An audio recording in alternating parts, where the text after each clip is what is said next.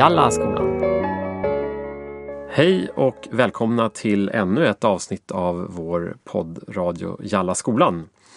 Med oss i studion idag har vi Andres Brink Pinto från Skolinspektionen. Välkommen hit! Tack så mycket!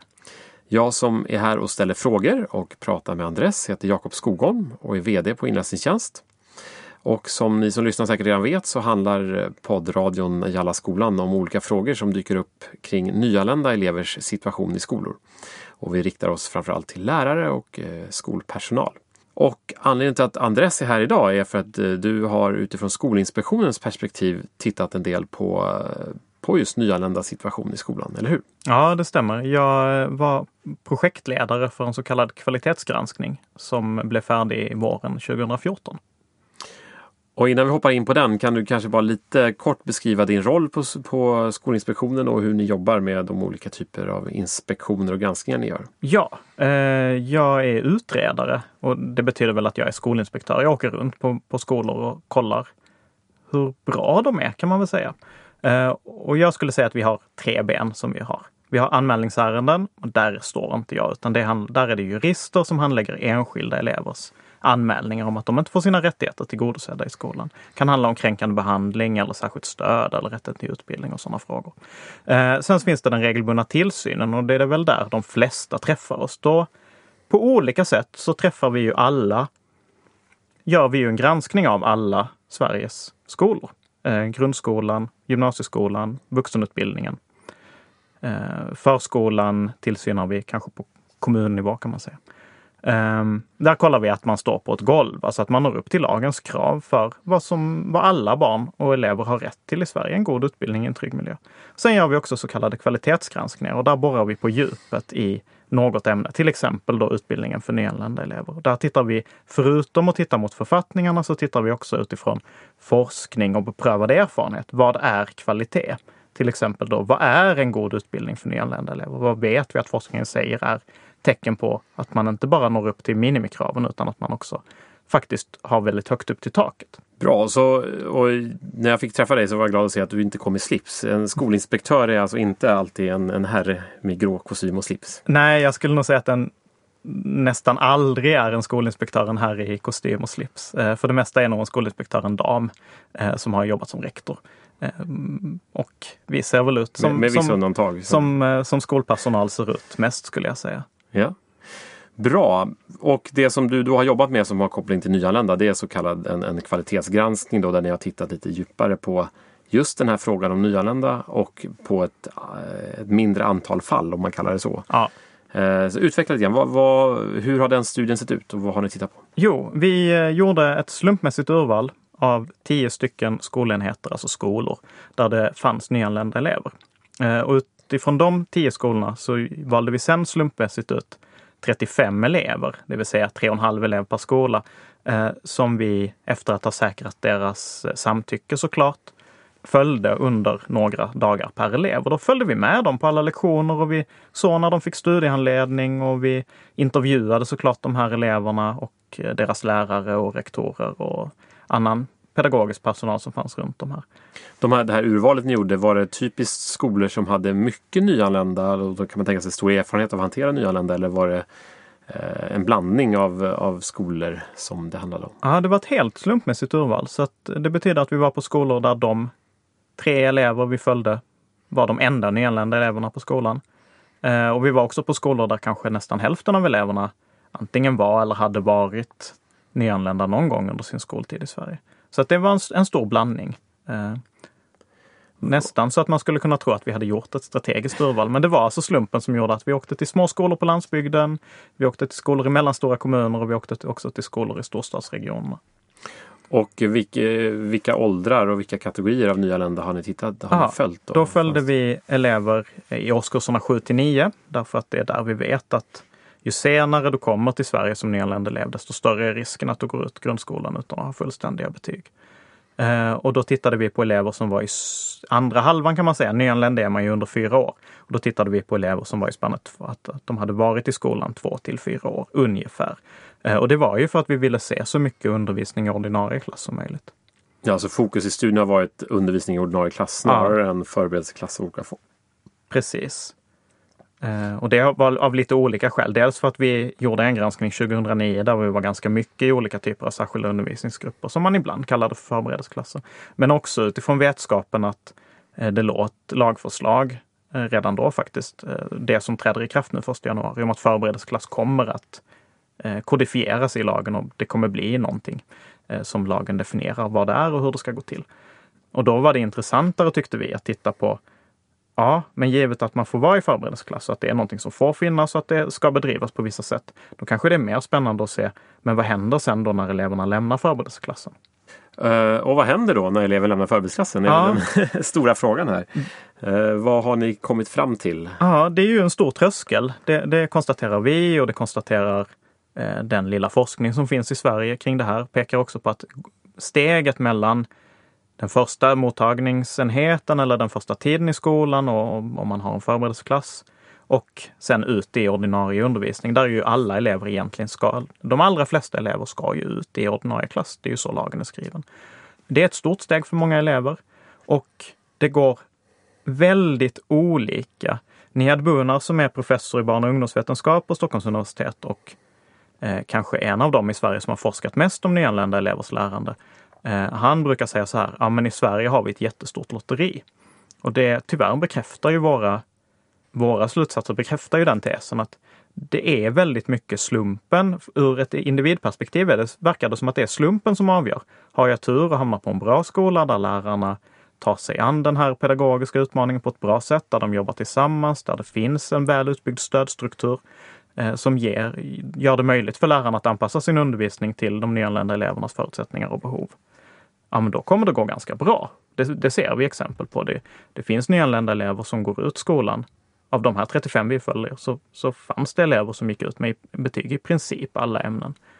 Eh, men det fanns också elever som kom till skolor där de, och det här säger jag med väldigt tungt hjärta, uppenbarligen får ganska illa.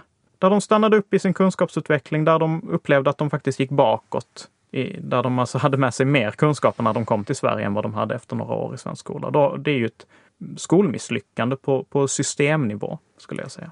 Och hur ser ni på slutsatserna kring detta då? Och, och, den här systemfrågan som det kanske handlar om då?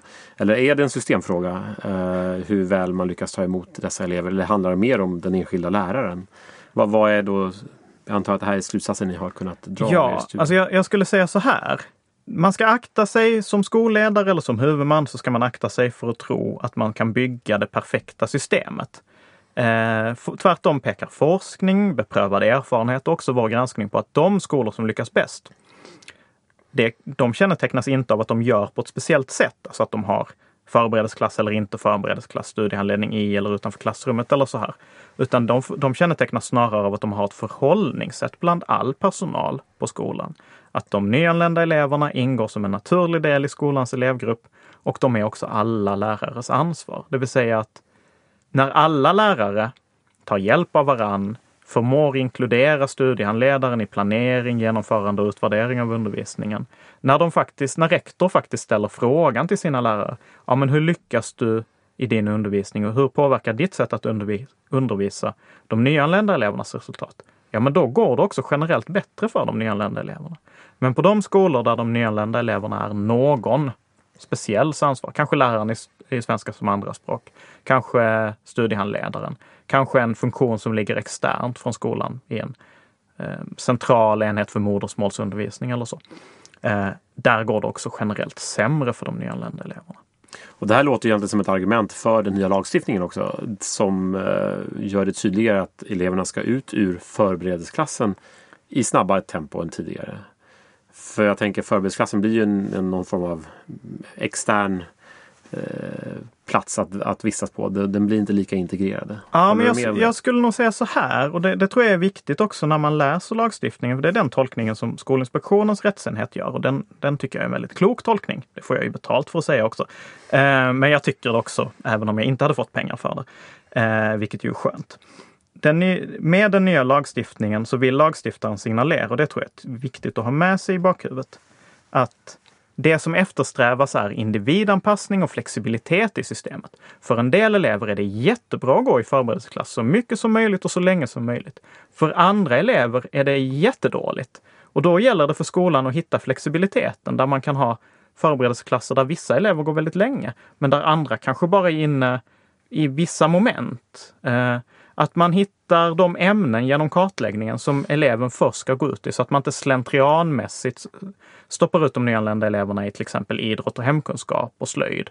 Eh, utan att, att det är viktigare att vi hela tiden ställer oss frågan vad är bra för just den här individen? För de skolor som lyckas med det, de skolorna lyckas också bättre med nyanlända elever. Någonstans så tyder ju det här på kanske att den nya lagstiftningen är fel. För den gör, skapar ju mindre flexibilitet i att, att, sätta en bortre gräns för... Ja, men det skulle jag nog inte säga. Jag skulle säga så här.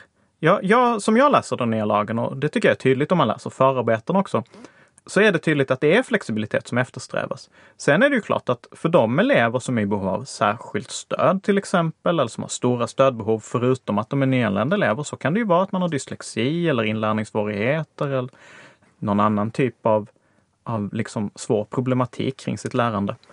För dem finns ju såklart den, den reguljära lagstiftningen också, de har också rätt till att få undervisning i en särskild undervisningsgrupp. De har också rätt till att få anpassad studiegång. De har också rätt att få enskild undervisning om det skulle vara det bästa. Eh, precis som för alla andra elever, men då är det viktigt att man vet varför man, på vilka grunder man tar det beslutet. Eh, ska vi gå i den trappan, då är det viktigt att vi liksom tar det steg för steg och att vi gör ordentliga utredningar. Eh, så vad lagstiftaren, nu kanske det hade varit bättre att ha någon från departementet här då, men det är ju tydligt att lagstiftaren har velat underlätta för skolor och för de elever som inte har den här typen av stora stödbehov, utan där man kan se att jo, men det som gör att den här eleven inte kan få huvuddelen av sin undervisning i en ordinarie grupp är att eleven är nyanländ och inte pratar svenska. Då är det viktigt att vi skapar en undervisningsform där eleven kan få en undervisning som faktiskt förbereder för inträdet i den ordinarie undervisningsgruppen. Och det är också viktigt att tänka på att förberedelseklass ska förbereda för någonting. Där ser vi att det till exempel är en framgångsfaktor när eh, ordinarie ämneslärare, alltså den som eleven ska möta sen i ämnesundervisningen, eh, är inne i klassen och undervisar i sitt ämne.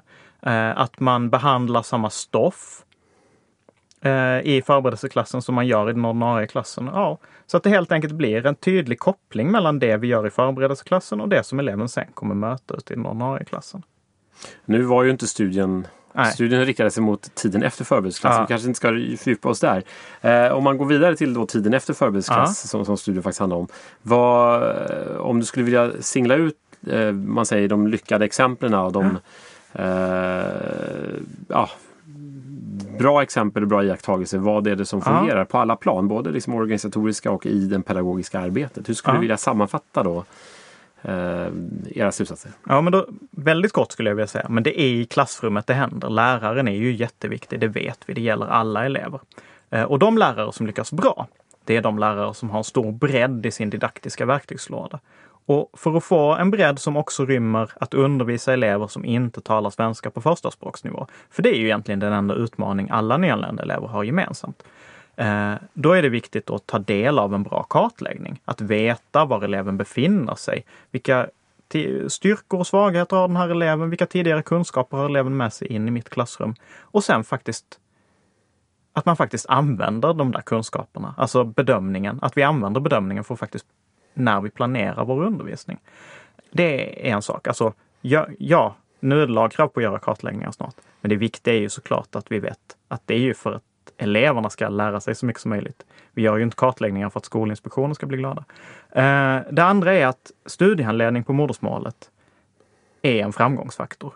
Och det som kännetecknar god studiehandledning utifrån det vi har sett i den här eh, granskningen, och det kommer vi förhoppningsvis veta mer om snart eftersom vi håller på och lanserar en ny granskning av just studiehandledning. Det är när studiehandledaren är en integrerad del av skolans arbete kring varje enskild elev. Det vill säga att studiehandledaren får ta del av planeringar i förväg, kanske kan vara med vid vissa moment i klassrummet och också är med och utvärderar hur det har gått. Alltså det vill säga när ämneslärare och studiehandledare jobbar nära ihop. Och det vet vi ju såklart också att ja, men det samverkan, en god samverkan kring elever är också en framgångsfaktor generellt, alltså när alla lärare samverkar. Och slutligen, om jag bara ska säga då tre saker, så den tredje saken jag vill säga det är att ett språk och kunskapsutvecklande arbetssätt det kännetecknar också en god lärare. Och det gynnar ju egentligen de allra flesta eleverna i ett klassrum. Alltså att vi förmedlar ämnesinnehållet på ett sådant sätt att vi också utvecklar elevernas ämnesspråk, att vi breddar deras språk samtidigt som vi utvecklar deras ämneskunskaper. Ehm, men det är helt avgörande för att de nyanlända eleverna ska så snabbt som möjligt erövra en god ämnessvenska. Ja, det var bra rekommendationer. Mm. Eh, du nämnde studieanledning här, eh, inte så mycket men ändå i förbifarten och sa att ni, ni ska titta vidare på detta. Ehm, på vilket sätt kom det in i den här studien och varför vill ni titta vidare på det? Jo, ehm, vi, eftersom vi ju såklart, vi följde ju de här eleverna eh, och några av dem, de flesta av dem hade studiehandledning på ett eller annat sätt och det gjorde ju att vi också fick ett visst underlag för att faktiskt resonera och fundera och analysera kring när är studiehandledningen effektiv och när är den inte? Och det finns också med i rapporten. Där har ju myndigheten valt, och det tror jag är klokt, eh, att det här är en fråga som många brottas med. Eh, vi vet att många kommuner nöjer sig eller är i en sån situation att de nöjer sig med att kunna säga vi fick en studiehandledare och sen så vågar de eller vill eller orkar eller tänker man inte på att vi måste också ställa frågan, ja men det är klart att det är jättebra att eleverna får studiehandledning, men vi måste också ställa frågan, vad är det för kvalitet på det de får? Och där tror vi att vi kan bidra genom att hitta goda exempel och också hitta framgångsfaktorer som leder till att studiehandledningen är av god kvalitet. Så det är en studie som ni drar igång eh, eh inom kort? Eller? Inom kort. Eh, under våren eh, kommer den vara ute i landet. Och resultatet av den får man ta del av? Förhoppningsvis till hösten. Då. Till hösten. Ja, spännande, det ser vi fram emot. Mm. Eh, är det något annat du känner att du själv skulle vilja skicka med lyssnarna i det här ämnet? Ja. Innan vi avrundar. Jo, jag vill faktiskt göra lite reklam för vår systermyndighet Skolverket. De har jättebra stödmaterial eh, ute på sin hemsida. Så om man känner sig lite vilsen som lärare eller som rektor eh, gå in där. Där finns allting från 70 minuters filmer man kan titta på till eh, eh, terminslånga utbildningar man kan anmäla sig till och allt däremellan. Så där finns någonting efter ens behov och tid. Eh, och jag vill också skicka med alla lyssnare att de skolor som lyckas bra, som jag har varit på, för det finns skolor som lyckas bra med utbildningen för nyanlända elever. Det är inga skolor som kommer från yttre rymden. Det är inte heller skolor som liksom får eh, en skolpeng som är tredubbel mot vad alla andra skolor får eller så, utan det är skolor som kännetecknas av att lärarna och rektorn och förvaltningen och de ansvariga politikerna tar ett gemensamt ansvar. Så att det här är någonting som jag är helt övertygad om att de allra flesta eller jag ska till och med säga alla skolor i Sverige kan bli bra på det här. Och det är också någonting som vi tillsammans behöver möta. Ja, det var tycker jag ganska positiva uppmuntrande avslutningsord här. Mm. Uh, och därmed vill jag tacka dig för din närvaro. Tack mm. för att du kom hit. Tack för att jag fick komma. från Lund, men du har annat att göra i Stockholm också. Ja. Om jag förstår rätt. Uh, jag vill tacka alla lyssnare som uh, tog sig tid att lyssna. För de som har ytterligare frågor så går det bra att ställa dem i vår Facebookgrupp. Och jag ska se till så att Andres också kan svara på dem om det kommer sådana frågor. Ehm, annars så får vi önska alla en riktigt god jul och gott nytt år och så syns vi på andra sidan nyåret. Tack så mycket!